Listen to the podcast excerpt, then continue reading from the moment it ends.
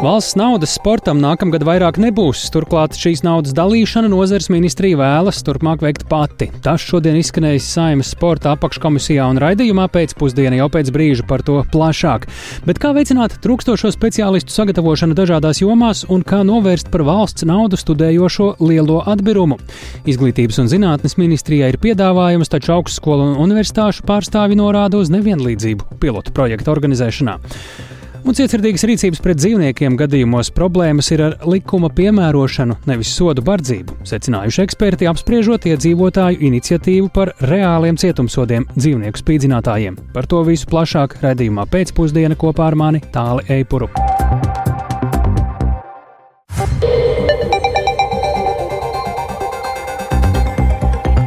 Ir 16,5 minūtes, skan pēcpusdienas ziņu programma, skaidrojot šodienas svarīgus notikumus studijā Tālis Eipurs. Labdien! Daļai skolotāju. Šis mācību gads ir atnācis ar vilšanos. Pēc pirmā nostrādātā mēneša daudziem bija jāscina, ka solītā algu pieauguma vietā algas bijušas pat mazākas nekā iepriekš. Pedagogi ir sašutuši. Kāpēc ir tāda situācija? Plašāk Agnijas Lāsdiņas ierakstā. Sarūktinājums, neskaidrība un vilšanās. Tā par savām sajūtām stāsta Ventspils pirmās pamatskolas vēstures un sociālo zinību skolotāja Inita Āboliņa. Pirmo reizi es jūtos, nu, Es varu gudīgi pateikt, kā dūns mugurā ieturs, jo ieraugot savu kontā ienākušo algu, mans konkrētais samazinājums ir mīnus 110 eiro, nevis palielinājums, neto alga. Āboliņa stāsta, ka iepriekš viņas alga bruto ir bijusi aptuveni 1136 eiro, taču šogad atalgojuma likme ir par apmēram 90 eiro vairāk. Taču ar 1. septembrī ir notikusi pārēja no 30 stundu darba nedēļas uz 36 stundu, sabalansējot skolotāju darba nedēļu un nodrošinot nodrošinot 65% un 35% darba slodzes sadalījumu, tostarp arī proporcionāli palielinot skolotāju zemāko bruto algas likmi no 900 eiro uz 1080 eiro. It kā maksājot, protams, to mēs redzam proporcionāli par visiem skolotāju daudziem, kas tagad ar skolu 23 prasībām ir augsts papildus darbiem. Tas ir proporcionāli palielinājies. Bet vienalga valstī nosauktā likmes alga tagad neatiec uz 30 apmaksātām darba stundām, bet uz 36. Arī Saldus novada pašvaldības izglītības pārvaldes vadītāja Sauca Rīta Levica norāda, ka skolotāji šobrīd jūtas izbrīnīti, jo pedagoģa atalgojums šajā mācību gadā nav nec būtiski samazinājies, nec arī pieaudzis. Tas esot apmēram tāds pats kā pērn. Es domāju, ka mūsu nomats īpaši neatšķirās no situācijas visā valstī. Nosakot šo proporciju 65 pret 35 Un zinot, ka valstī trūkst pedagogu, protams, kā mēs īsti to izpildīt nevaram, un līdz ar to, ja nevar izpildīt šo te proporcijas, tad, protams, ka skolotājiem ir, nu, grūtāk nopelnīt. Mums tomēr ir jādomā, kā ļaut pedagogiem strādāt vairāk un arī saņemt vairāk. Tā uzsvara Latvijas pašvaldību savienības padomniece izglītības un kultūras jautājumos Ināra Dundure. Pedagogi, kuri strādāja pilnu slodzi kontaktstundas, kuri strādāja pat 1,2 divas slodzes, viņi saņēma stipri augstāku atalgojumu nekā šobrīd ir pa vienu likmi ar sabalansēto.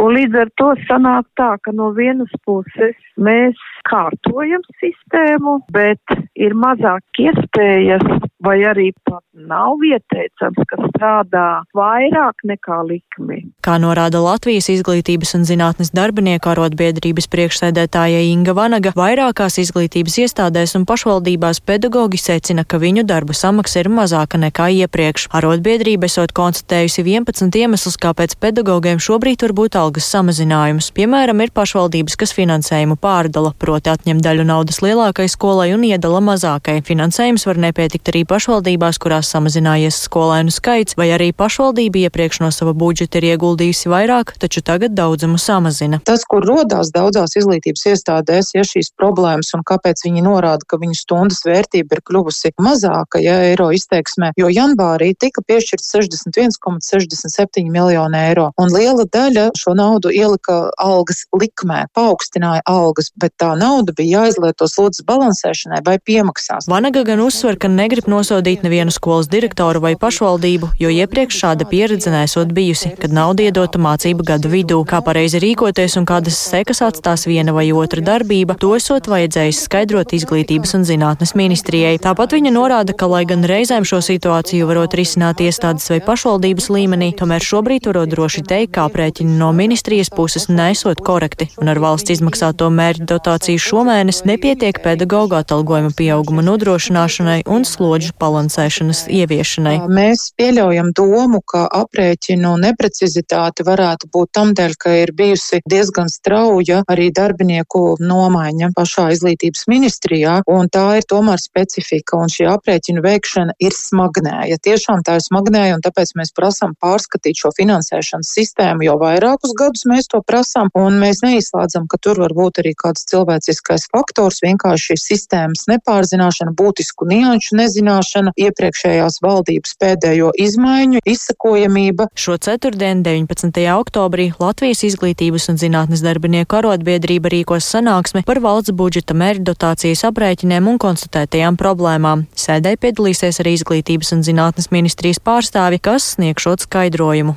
Agnija Lazdiņa, Latvijas radio. Te jāpiebilst, ka Izglītības un zinātnes darbinieku arotbiedrība ir veikusi pašvaldību aptauju, lai noskaidrotu, vai pašvaldības tiešām ir saņēmušas pilnu finansējumu. Un aptaujā noskaidroto prezentēs jau parīt, 19. oktobrī. Bet lielāka nauda izglītības nozarei pat par sevi nerisina visas problēmas, ja nav pietiekama reforma vai jauna pieeja to risināšanai, problēmu risināšanai. Un par to arī nākamais stāsts un šoreiz augstākajā izglītībā. Kā veicināt trūkstošo speciālistu sagatavošanu dažādās dažādās jomās un kā novērst arī par valsts naudu studējošo lielu atbirumu. Šo jautājumu augstākās izglītības nozarē uzdod jau sen, bet tagad Izglītības un zinātnes ministrijā rosina to noskaidrot projektā, pilotu projektā, vairākas reformas jau sākušajā Rīgas Tehniskajā universitātē. Tas nozīmētu, ka mainītos pieeja pašas augstskolas finansēšanā, gan arī budžeta sadalē studiju vietās. Turklāt pēc citu valsts finansēto augstskolu iebildumiem, kā arī tām būtu vieta šādā projektā, turpmākajos gados varētu atrast finansējumu arī šīm nolūkam.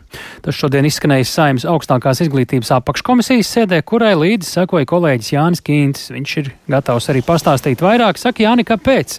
Pilotu projektā izraudzīta tieši Rīgas Tehniskā universitāte un eh, kādām izmaiņām tad uh, notiek gatavošanās?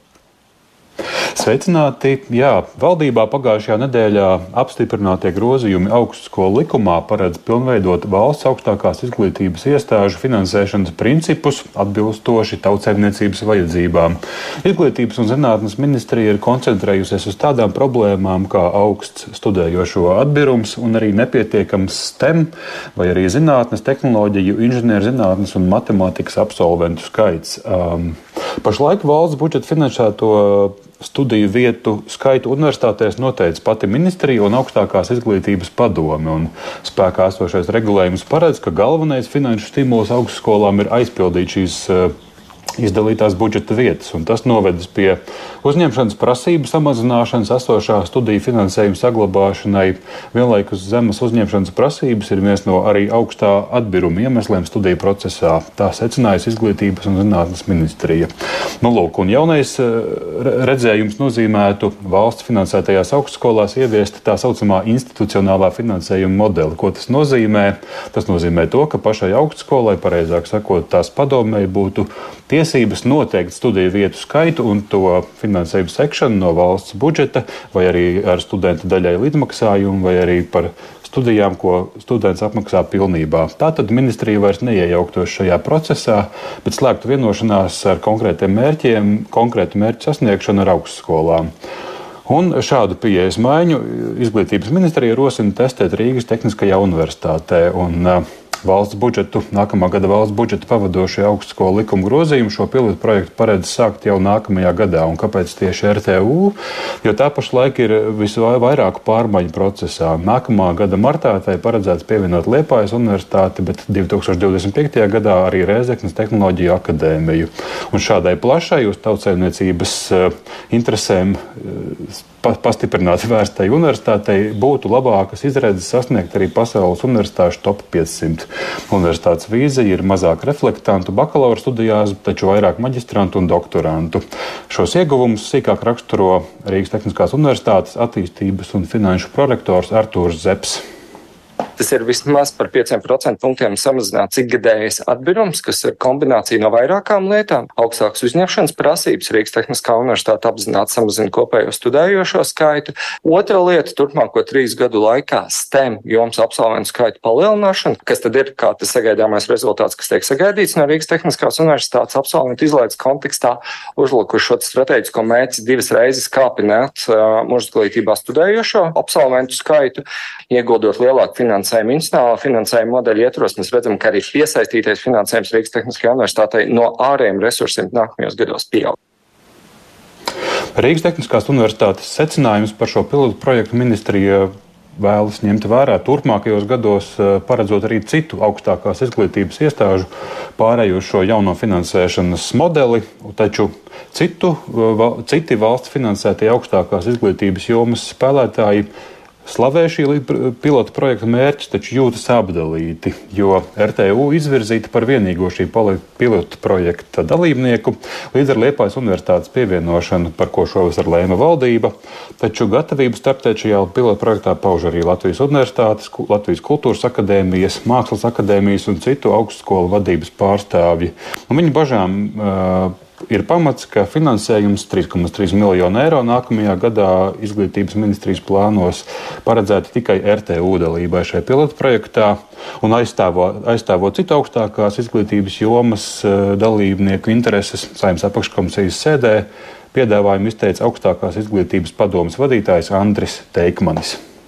Man liekas, ka šis ir brīdis, kad deputātiem būtu jārīkojas ļoti drosmīgi, būtu jāatver vēl budžets, jāpieliek klāt, ja 3 miljoni Rīgas Tehniskajai universitātei pilotprojektu ieviešanai. Tā nav liela summa arī skatoties sistēmiski uz visām augstskolām, kurš būtu gatavs pievienoties pilotprojektam un atvērt šo pilotprojektu gan zinātņu universitātēm, gan mākslu un kultūras universitātēm, gan arī citu tipu augstskolām. Un tas, man liekas, būtu bijis labākais, ideālākais risinājums. Nu, lūk, šīs dienas debatas saimnes augstākās izglītības apakškomisijas sēdē ir tikai sākums šo apspriežu procesam saimā, bet nu, no tām šodien dzirdētajām lietām var secināt, ka sagatavotais likumprojekts saimā visticamāk netiks cauri negrozīts. Tātad sagaidām dažādi papildinājumi kam sekosim līdzi. Paldies Jānim Kīncim. Tātad tik tālu par meklējumiem pēc efektīvākiem finansējuma modeļiem augstākajā izglītībā.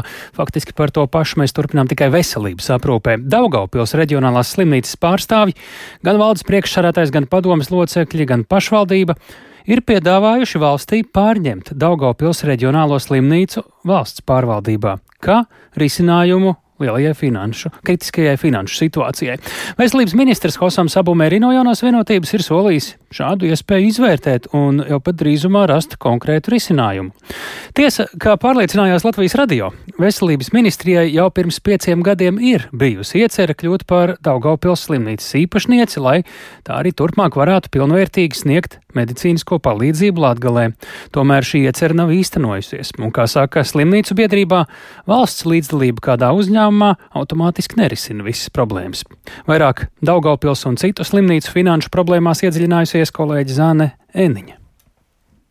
Piedāvājums pārņemt iestādi valsts pārvaldībā izskanēja vakar, kad Daugopils reģionālo slimnīcu apmeklēja veselības ministrs. Iestādes vadītājs Grigorijs Semjonovs jau kopš gada sākuma ir cēlis trauksmi par slimnīcas nemitīgo dzīvi uz parāda, jo ar saņemto valsts finansējumu nepietiek, lai sektu izmaksas par elektrību, pacientu ēdināšanu un citiem ārpakalpojumiem. Arī valsts noteiktie tarifi neatbilst veselības aprūpas pakalpojumu faktiskajām izmaksām, kas sevišķi pēdējos gados strauji cēlušās. Par spīti papildus valsts naudas piešķīrumam, 10 miljonos mērāmo parādu izdevies samazināt tikai daļēji - līdz 4,5 miljoniem. Tādēļ joprojām aktuāla problēma ir Daugavpils reģionālajai slimnīcai draudošā maksātnespēja. Pēc vizītes ministrs Hosams Abu Merī gan paudis, ka pilnībā nevarot piekrist tam, ka visas problēmas pamato ar naudas trūkumu, jo citās reģionālajās slimnīcās aina nesot tik bēdīga. Tomēr viņš solījis izvērtēt iespēju slimnīcu pārņemt valsts pārziņā. Tas būtu nepieciešams, jo valsts pašlaik prioritāri finansējot tai piedarošās lielās klīniskās universitāšu slimnīcas, bet pārējās pēc pārpalikuma principa. Tā uzskata vienas no slimnīcas īpašniecēm Daugopils pašvaldības pašlaik bezparteiskais vadītājs Andrēs Elksniņš. Ņemot vērā to, ka to pārpalikumu veselības nozarē nav, finansējums kā tāds jau ir nepietiekams veselības jomai. Tad manā skatījumā labākais risinājums, kas spēs pasargāt slimnīcu, kas spēs pārstāt uh, slimnīcām uh, sūroties par uh, finansējuma trūkumu, ir valstī uh, tiešā veidā iesaistīties arī kā atbildīgam uh, saimniekam un uh, lemt nevis par uh, reģionālo slimnīcu izdzīvošanu, bet tā skaitā arī par uh, reģionālo slimnīcu attīstību. Andrēs Elksniņš jau gandrīz desmit gadus aktualizējot šo nepieciešamību, un izrādās jau 2017. gadā Veselības ministrijā arī tapis konceptuāls ziņojums par valsts līdzdalību SIA Daugavpils reģionālā slimnīca pamatkapitālā.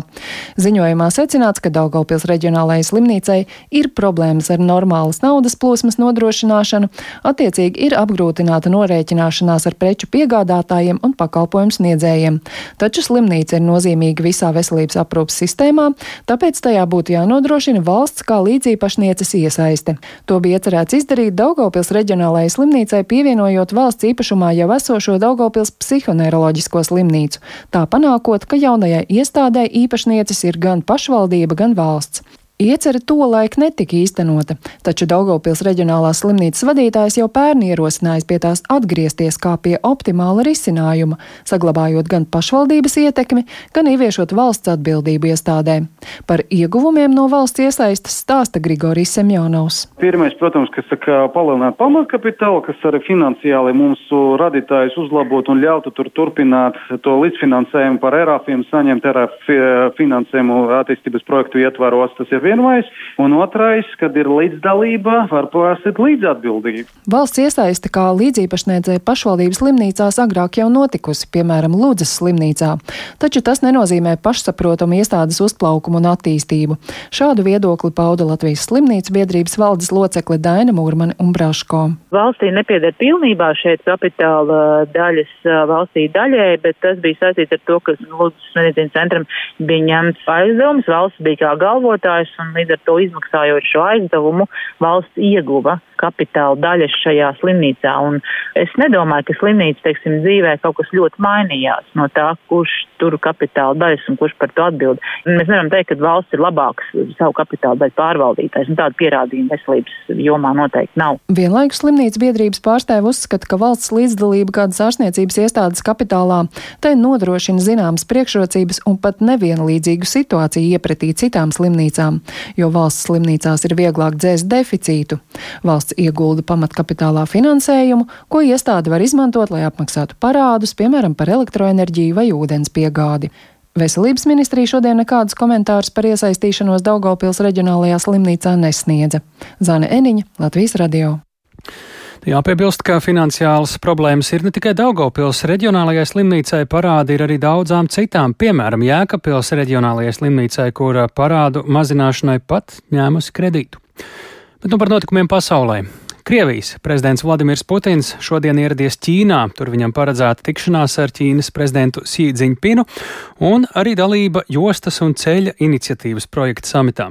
Abi līderi varētu pārunāt arī situāciju Izrēlā, bet, lai uzzinātu vairāk par Putina vizīti Ķīnā, mēs esam sazinājušies ar kolēģi Rihārdu Plūmi. Sveiks, Rihārd! Nu, ņemot vērā, ka pat um, samērā nesen vēl pavasarī abi līderi jau tikās um, Maskavā, um, Krievijā, tātad kādēļ Putins devies tagad pie savu draugu Jī un uh, kas uh, ir zināms, noprotams par viņu sarunu tematiem? Jā, labdien! Nu, pirmkārt, jau jāsāk ar to, ka Putinam šī ir jau otrā ārvalstu vizīte, kopš um, tika izdots starptautiskās krimināla tiesas arestu orders, uh, taču tā ir pirmā ārvalstu vizīte kādā no pasaules uh, lielvarām uh, kopš šī ordera izdošanas. Iepriekš viņš pavisam nesen viesojās Kirgistānā. Un uh, Pekina šonadēļ uzņem kopumā 130 valstu pārstāvjus, jo tur norisinās jostas un ceļu iniciatīvas projekta samits, un šo projektu Ķīna īsteno, lai vērotu savu globālo ietekmi, to starp vērot ekonomisko un politisko ietekmi. Taču skaidrs, ka lielākā uzmanība no visiem samita viesiem ir pievērsta tieši Putinam, kā ir Kremlis savā paziņojumā norādījis, tad Sī un Putins sarunās īpaši uzmanību pievērsīšot starptautiskajiem un reģionālajiem jautājumiem. Un skaidrs, ka viens no jautājumiem, kuru puses diezgan droši apspriedīs, ir šobrīd Izrēlā notiekošais. Amerikas Savienotās valstis, piemēram, ir lūgušas Ķīnu izmantot savu ietekmi, lai palīdzētu deeskalēt karu Izrēlā. Un šonadēļ Pekina uz nestabilo reģionu nosūtīs arī savu tuvo austrumu sūtnī Džai Dzjuņu, kurš pēc Ķīnas mediju vēstītā centīsies panākt miera sarunas un pamieru. Tikmēr Krievija, kas ir tra tradicionāli uzturējusi labas attiecības gan ar Izrēlu, gan ar palestīniešu varas iestādēm, ir aicinājusi konfliktā panākt tūlītēju pamieru. Nu, tajā pašā laikā ir izskanējušas versijas, ka Krievija iespējams atbalstījusi palestīniešu kaujinieku grupējumu Hamas uzbrukumu Izrēlē. Gan Ķīna, gan Krievija abas ir kritizējušas arī dzēna Izraēlas atbildi uz uzbrukumu, tā kā Izraēla varētu būt nu, šo te sarunu tādā krustpunktā visticamāk tāli. Nu jā, sociālie tīkli ir pilni šobrīd ne tikai ar vai nu karikatūrām vai nopietniem attēliem par Putina ierašanos un sarunām Ķīnā un sarunām ar Sī, bet ar vēl kādu valsts līderi. Jā, Sīja un Putins tiksies rīt, taču jau šodien Putins ir paspējis tikties ar kādu citu valsts līderi, kurš nebūtu nekauns izrādīt savas tuvās attiecības ar Maskavu, un tas ir neviens cits kā Ungārijas premjers Viktors Orbāns, kurš, būdams Eiropas Savienības dalību valsts vadītājs, spriež roku Kremļa saimniekam par spīti karam Ukrainā un tam, ka pret viņu ir izdots starptautiskās krimināla tiesas orders pret Putinu proti. Un šī bija Putina otrā tikšanās ar kādu Eiropas līderi kopš pērnā gada februāra, kad Krievija atkārtot iebruka Ukrainā un pēdējo reizi ar kādu no Eiropas valsts līderiem viņš tikās pērn aprīlī, kad viņš uzņēma vizītē Austrijas kancleru Karlu Nehameru. Šodien, tiekoties ar Orbānu, Putins izteicās, ka esot gandrīz par to, ka Krievija joprojām uztur attiecības ar dažām Eiropas valstīm par spīti dažādiem, kā viņš teica, ģeopolitiskiem satricinājumiem. Abi pārunājuši sadarbību gāzes un naftas piegāžu jomā, arī kodolenerģijas jomā. Un, Orbāns savukārt no savas puses ir norādījis, ka Budapeštē vissvarīgākais esot izbēgt bēgļu plūdus, sankcijas pret Maskavu un arī kaujas Ukrainā. Kā zinām, tad viņš ir iestājies pret bēgļu uzņemšanu, tādējādi strīdoties ar Briselu un arī, protams, viņš ir nostājies ieņems pozīciju pret sankcijām pret Krieviju. Tā. Protams, tas ir tas, ko viņi saka publiski, ko viņi runā vēl aiz slēgtām durvīm un četrām acīm. To mēs vēlāk varam nojaust pēc jau darbībām, bet rīt tātad vēl tikšanās Putinam ar Sīdzimpinu.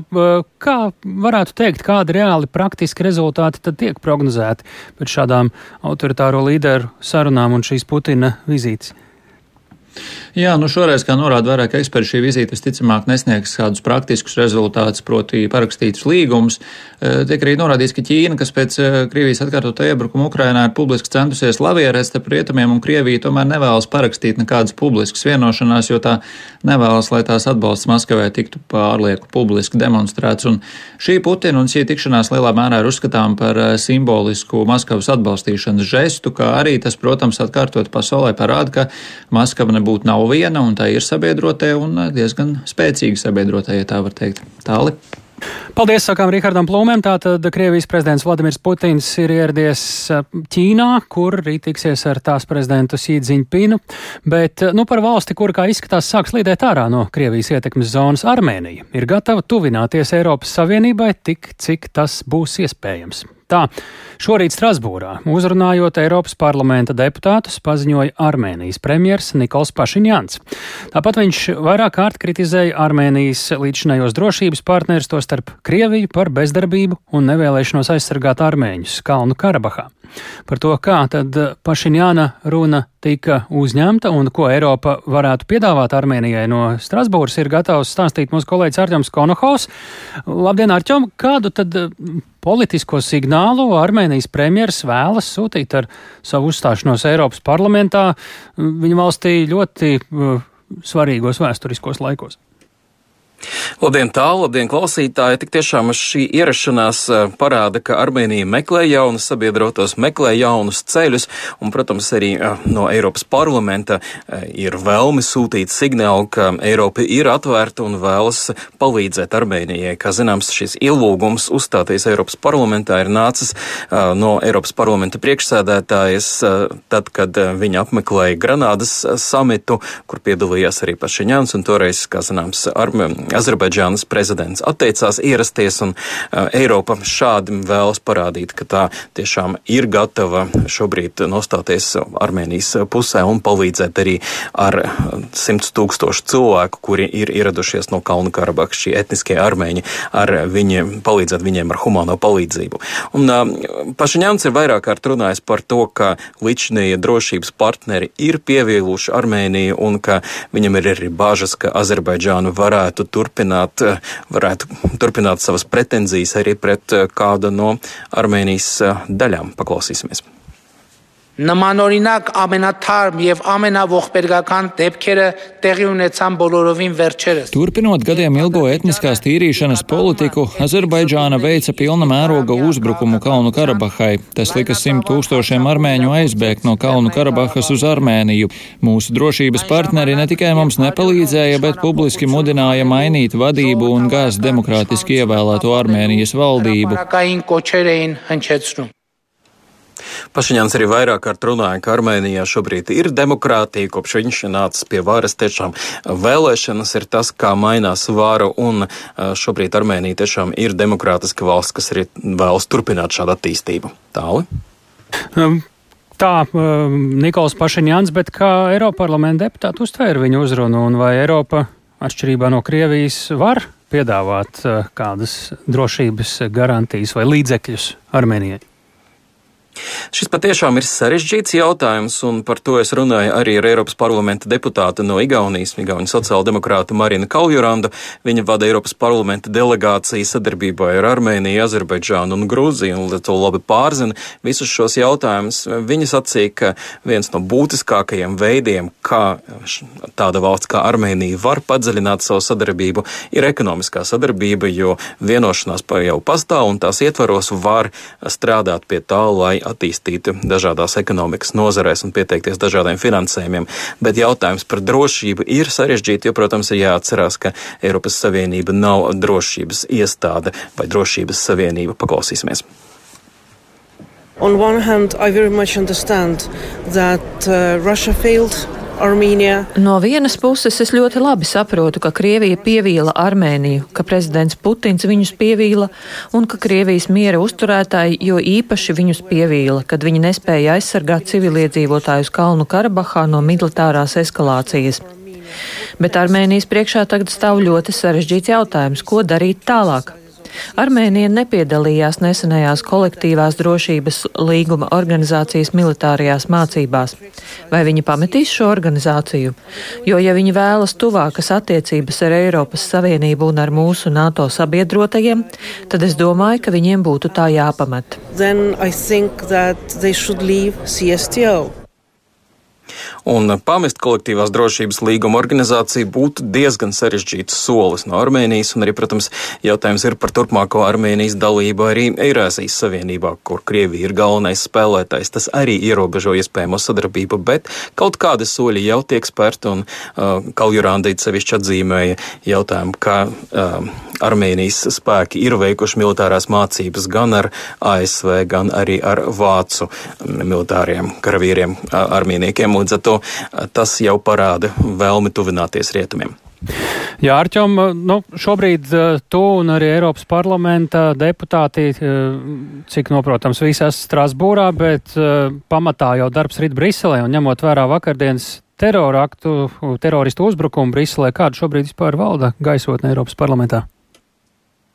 Gaisotne ir diezgan mierīga, bet ir skaidrs, ka šie uzbrukumi daudziem ir prātā. Tika veltīti arī daudz vārdu gan no parlamenta priekšsēdētājas, gan no grupu pārstāvjiem, it sevišķi no Zviedriem, jo, kā zināms, tieši divi Zviedrijas pilsoņi, kas tika nošauti, izsakot līdzjūtību un veltot vārdus, kas ir, kas ir pret terorismu, un ka tero noskaņot, un ka Eiropa turpinās cīņu ar terorismu, un var just šeit arī parlamenta iekšpusē, ka vairāk pārbauda caurulaidas, vairāk uzmana drošībnieki, bet tā citādi kopumā darbs rit normāli, un daudz cer, ka varēs tomēr atgriezties pie ierastā ritma jau pavisam drīz, bet šie notikumi ir, ir satricinājuši un daudziem ir prātā patiešām. Paldies Artimam Konohovam. Sazinājāmies ar mūsu korespondentu Briselē. Viņš gan šobrīd ir Strasbūrā un viena no galvenajām ziņām, kā Armēnija pēc Kalnu Karbahas zaudēšanas un pēc faktiski Krievijas nespējas gādāt par Armēnijas drošību ir gatava tuvināties Eiropas Savienībai. Tā paziņojas šodien Armēnijas premjeras.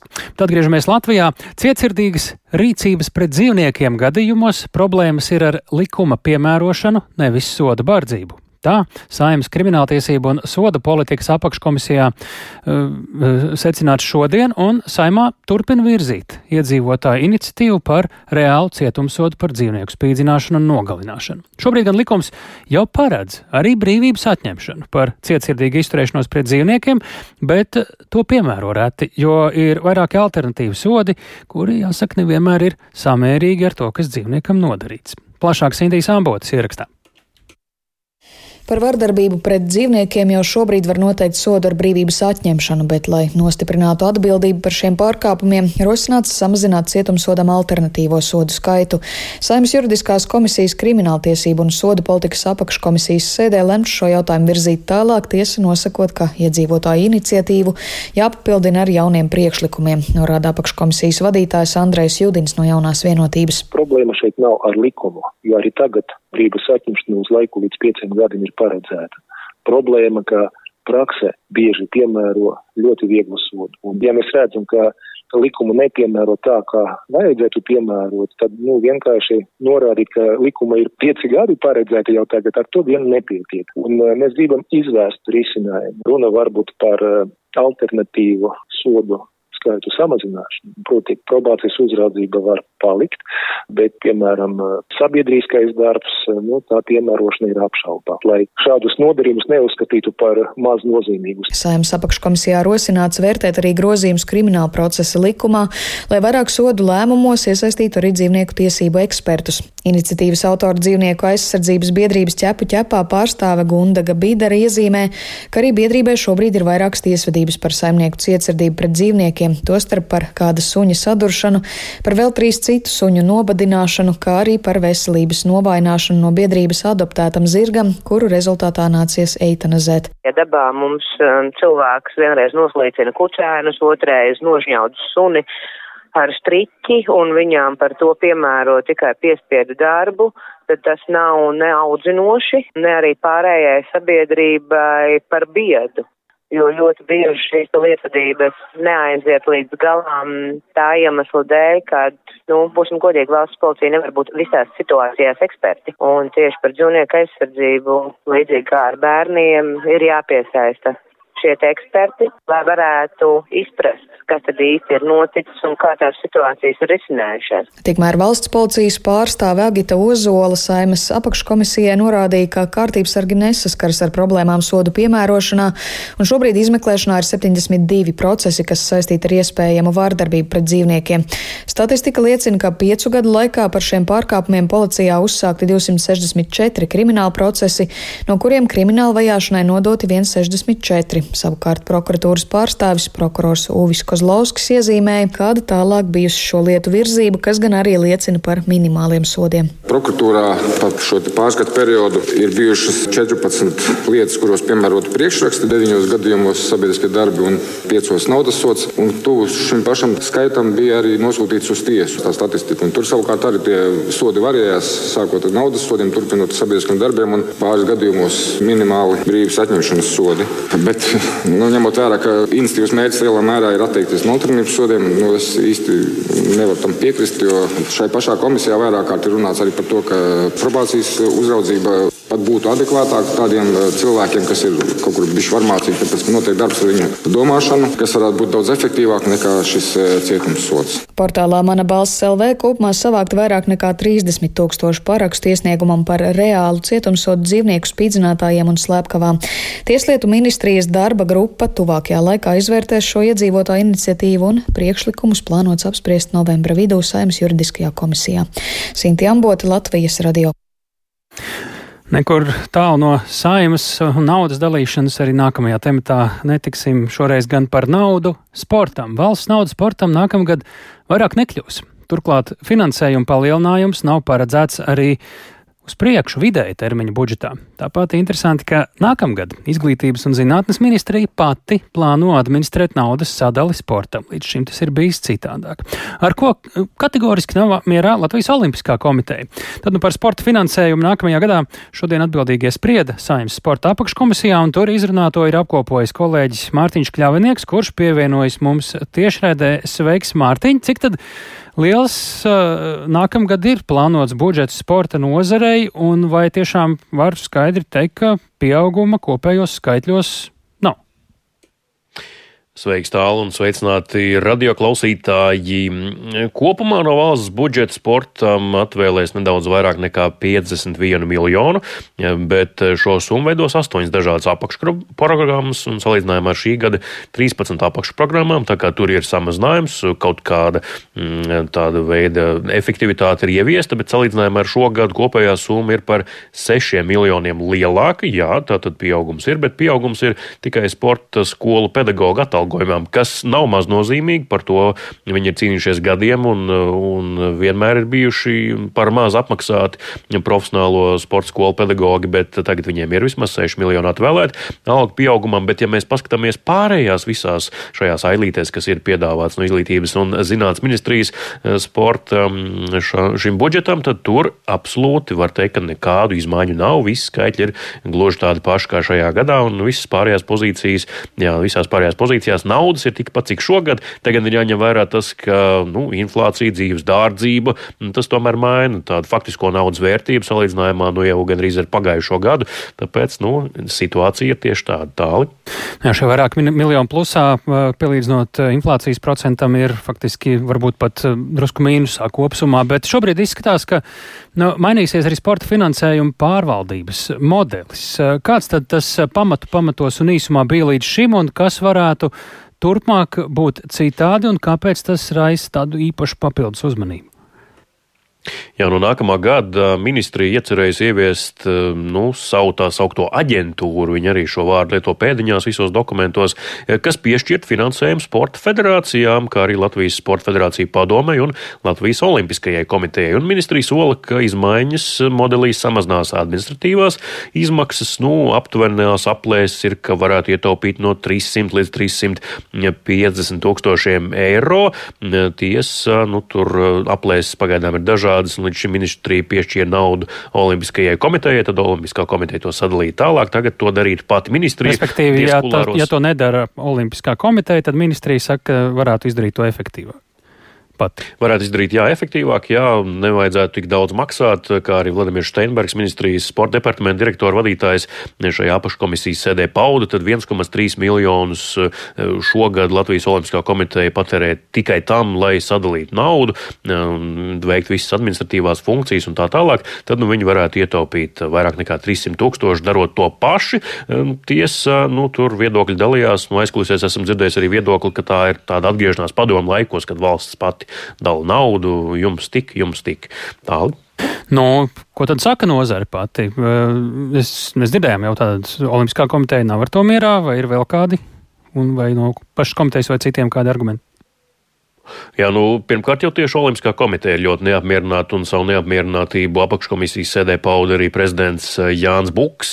Viņš sacīja, ka varētu ietaupīt eh, pat Olimpiskā komiteja īstenībā vēl vairāk nekā ministrija soli ietaupīt, eh, bet jauno aģentūru ar viņiem neviens tā īsti nesot apspriedis, un arī dažādi dokumenti parādījušies, piemēram, tikai pagājušajā vakarā, kas iesūtīti e-pastā un, un ir aicināts izteikt viedokli. To starp citu arī es pamanīju, pētot šo vienīgo dokumentu dokumenti, kas ir pieejams, kur ir atspoguļot šie budžeta skaitļi. Jā. Ļoti daudz drukas kļūdu tieši latviešu valodā, tā kā nu, varētu domāt, ka steigā sagatavots dokuments. Bet klausāmies, ko teica Jānis Buks milzīgas izmaiņas nav. Vienīgās izmaiņas, kas nav nekādā veidā ar nozari diskutētas, ir šīs pašas izējuma aģentūras izveide. Ja. Olimpiskajā komitejā ir infrastruktūra, un tā ir spējīga apkalpot visu šo sporta apakšprogrammu, tad mēs to varam izdarīt par 600 tūkstošiem. Tā tad vismaz ar 400 tūkstošu ietaupījām. Es neredzu tādu baigo pamatojumu tam, kāpēc jāveido jauns starposms, jauna institūcija, lai administrētu šos līdzekļus, ko patiesībā, kur jau ir esoša infrastruktūra un ko var izdarīt ar daudz mazākam izmaksām. Jā, tālāk Jānis Buks, Latvijas Olimpiskās komitejas prezidents, arī Latvijas Paralimpiskā komiteja nebija apmierināta ar sev piešķirto naudu. Piešķirt ir 700 tūkstoši, nākamajam gadam viņiem vajagot vismaz 2 miljonus, lai vispār nu, veiktu tās funkcijas, kas viņiem ir paredzētas. Nu, vēl nepilnā minūtē Latvija pēc veiksmīgā pasaules bas basketbola čempionāta raugās uz Olimpiskās kvalifikācijas turnīru rīkošanu. Tur arī vajag naudu, licences iegādēji. Cik tālu šis process divos vārdos? Jā, atgādina, ka 2,8 miljonu vajadzīga licencei eh, izglītības zinātnes ministrija esot iesniegus pieprasījumu finanšu ministrijai pēc šīs naudas, jo šī nauda vajadzīga jau šogad. Nu, to iespējams ņems no līdzekļiem neparedzētiem gadījumiem. Īsti no citurienes nav nemaz kur ņemt. Nu, gaidīsim, kāda būs atbilde no ministrijas. Paldies Mārtiņam Kļavniekam. Šis bija ziņu raidījums pēcpusdiena. To veidoja Tāls Eipurs, Ilzā Ginta, Renārs Steimanis, Mārtiņš Paeglis. Ja vēlties šo raidījumu noklausīties, nedzirdējāt visu, piemēram, pilnībā, tad meklējiet to Latvijas radio mobilajā lietotnē, tad arī varat dalīties ar citiem, ja uzskatāt, ka tas ir, tā ir laba doma, un meklējiet arī mūsu lielākajās raidierakstu platformās, un, protams, meklējiet ar atslēgvārdu dienas ziņas. Tiekamies rīt! Yeah.